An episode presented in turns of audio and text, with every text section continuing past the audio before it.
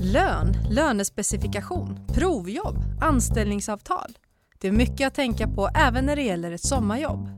Den här veckan har jag tagit hjälp av Emil Bäckström som är ombud på Hotell och restaurangfacket för att ta reda på vad som gäller. Det här är Arbetsförmedlingens jobbpodd med mig, Priya Eklund. Välkommen till jobbpodden Emil. Tackar. Du jobbar ju på Hotell och restaurangfacket mm. och anledningen till att jag har bjudit in dig idag det är ju för att väldigt många kommer ju påbörja sina sommarjobb ganska snart och det kan vara lite snårigt att veta ja, men hur ska jag förhålla mig till det här och vilka ja, men arbetsgivaren måste ju följa vissa lagar och regler. Mm. Så då tänkte jag att vi ska reda ut det här. Ja. Okay. Men eh, kan du lite kort förklara vad ett fackförbund är för någonting? Ett fackförbund är, alltså det finns två parter på arbetsmarknaden, arbetsgivarna och arbetstagarna, alltså de anställda, personalen. Och vi representerar då personalen eh, på arbets, svenska arbetsmarknaden. Och det är vi som tillsammans med arbetsgivarorganisationerna reglerar villkoren när man jobbar. Mm. Det finns lagar och regler förvisso, men eh, det finns också något som heter kollektivavtal och det är det som reglerar de allra flesta villkoren, alltså lön till exempel. Okay. Men om vi tittar nu på sommarjobb. Mm. Säg att jag har sökt mycket sommarjobb och sen är det ett par arbetsgivare nu som är så här, du, men vi tror att du passar, vi skulle vilja att du provjobbar mm. någon dag, två mm. dagar. Skulle mm. jag kunna göra det bara för att visa liksom vad jag går för? Ja, absolut, med lön. Med lön? Med lön. Och det är jätteviktigt? Ja, det är väldigt viktigt. Man mm. ska aldrig gå till ett arbete och arbeta utan att få betalt för det. Ja, det, det, finns ingen som gör det. Eller det finns ingen som ska göra det om man ska uttrycka det på det sättet. Ja, men precis. Mm. Och, eh, och det är ganska viktigt att komma ihåg för det förekommer ju. Mm, det är jättevanligt. Att ja, men provjobba någon timme bara mm. för att vi får se. Mm. Och det är inte heller okej. Okay. Nej. Nej, det är jättebra, det är tydligt. Mm. Vad ska jag tänka på om jag har fått jobbet? Mm. Vad ska jag tänka på vad gäller anställningsavtalet? Finns det liksom vissa saker där som måste vara liksom? Ja, det gör det. Alltså, det, I anställningsavtalet så ska ju de villkor framgå som alltså det man har kommit överens om, det vill säga eh, vilken sysselsättningsgrad, det vill säga hur många timmar per dag eller per vecka ska jag jobba? Hur mycket ska jag få betalt? Och från vem får jag betalt? Vilket företag är jag anställd av? Ett organisationsnummer är väldigt viktigt till exempel. Um, och så ska det naturligtvis framgå ens egna uppgifter, personuppgifter. Eh, det ska framgå om hur mycket semester man har enligt lagen. Så, till exempel. Och allt det här ska man ha kommit överens om och skrivit på innan man börjar jobba. Man ska alltså inte jobba två, tre veckor och sen börja fundera på vad, vad undra vad jag får för lön. Ja, just det. Mm. Så viktigt då att komma ihåg, anställningsavtal skrivs på innan mm. och sen så, man måste ju inte skriva på det där och då. Det måste man inte. Utan man kan ju ta hem, fundera på det här Absolut. och det kanske är någonting som man känner att det här stämmer ju inte eller mm. det här det här verkar lite konstigt och då mm. får man ju gå tillbaka. Precis, precis, och det är väldigt bra att göra det om man kanske aldrig har skrivit på ett anställningsavtal förut och inte riktigt vet vad som ska stå där. Då är det mm. bra att ta med det hem, visa mamma och pappa eller någon annan. Så, precis. Det är absolut. Mm. Så anställningsavtal innan mm. man börjar jobba. Mm. Och den ska det liksom vara vara, ja men du pratar ju om semester. Mm. Vad, vad, det är ju ett sommarjobb, har mm. jag rätt till semester? Ja. Hur, många, hur mycket då? Alltså i, i semesterlagen så har man rätt till 12 procent i semesterersättning på sin bruttolön. Alltså bruttolön är lön innan skatt. Ehm, och det är vad lagen säger. Och eh, sen reglerar lagen om man tjänar in betalda semesterdagar eller inte. Det beror på hur länge man jobbar eller har tänkt sig att arbeta. Normalt sett ett sommarjobb så tjänar man ofta inte in så mycket semesterdagar utan då får man ut betalt en semesterersättning och det är 12 procent. Okay. Och det kan inte skrivas in i lönen. Det är väldigt många arbetsgivare som tycker att ja, men det, är, det här är din lön 130 kronor i timmen inklusive semesterersättning. Mm. Nej, alltid utöver. Det känns ju som att det är väldigt mycket att hålla reda på här. Mm. Kan man kontakta ett fackförbund och liksom, hej, kan ni titta på det anställningsavtalet, ser det rimligt ut? Ja, det kan man göra. Jag kan ju bara nu då prata utifrån hotell och restaurangfacket. Eh, och vi, vi, vi försöker i den mån det går att hjälpa till och framförallt med ungdomar som har sitt första jobb kanske. Eh, att vara behjälpliga och titta på anställningsavtal till exempel eller svara på frågor om vilken lön som är rimlig eller så. Mm. Men när jag vet vad som är en rimlig lön och jag har skrivit på det anställningsavtalet och allting, ska jag förvänta mig liksom bara att pengarna trillar in på kontot varje månad eller det här med lönebesked, hur viktigt är det? Det är väldigt viktigt att, att få ett papper som visar att jag faktiskt har fått pengar. Eh, och som också visar att arbetsgivaren har betalt skatt. Mm. Eller åtminstone säger sig ha betalt skatt. Så ska jag Precis. uttrycka det.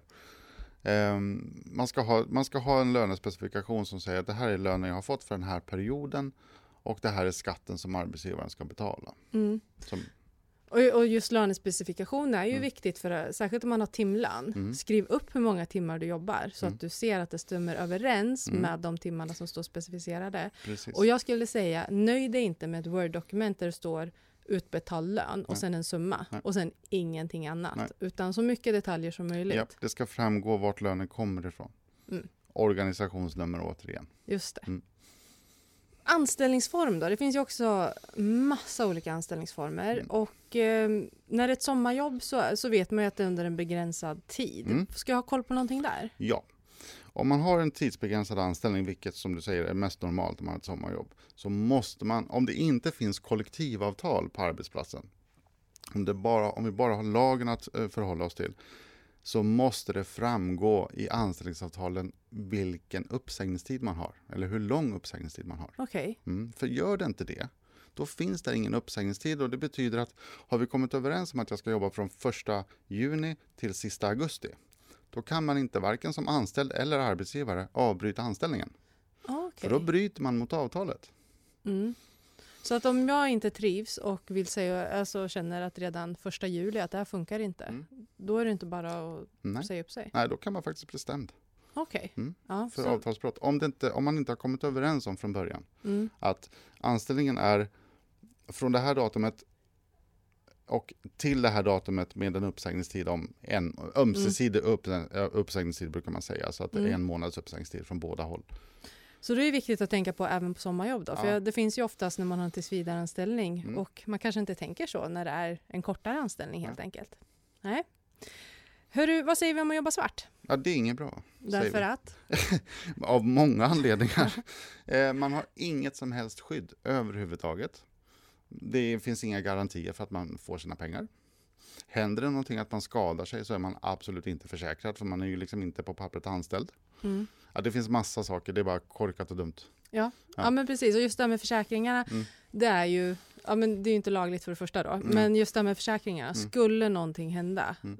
då har man ju inget skydd överhuvudtaget. Precis. Och det är otroligt dumt. Ja, och när man säger försäkringar då är det liksom försäkring om man exempelvis jobbar på en Ja, men vad ska vi ta, ett gatukök som ett exempel bara och så trillar man ner i fritösen. Det är lite som lite jobbigt. Mm. Ja. Ja, men ja, Om, om man inte är försäkrad. precis. Mm. Ja, det är väl jobbigt om man är försäkrad också. Ja, absolut. men, eh, Men då det- finns det i alla fall något form av skydd. Precis. Ja. Men om man tänker då, alltså det är ju mycket frågor kring första jobbet. Jag hade ju noll koll när jag började jobba egentligen. Mm. Men hur mycket, hur mycket får jag jobba? Får jag jobba sju dagar i sträck? Får jag jobba hur många timmar som helst per dag? Liksom och bara, ja, men jag vill bara tjäna pengar nu. nej, man får inte göra det. Eh, utan det finns begränsningar i något som heter arbetstidslagen.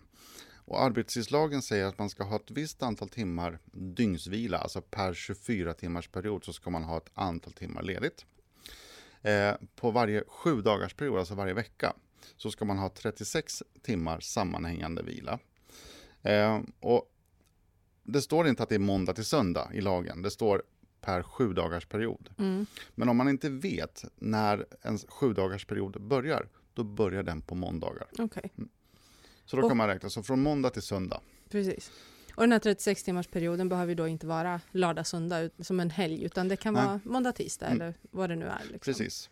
Precis, Ja. så kan det Mm. Så det är också jätteviktigt att komma ihåg.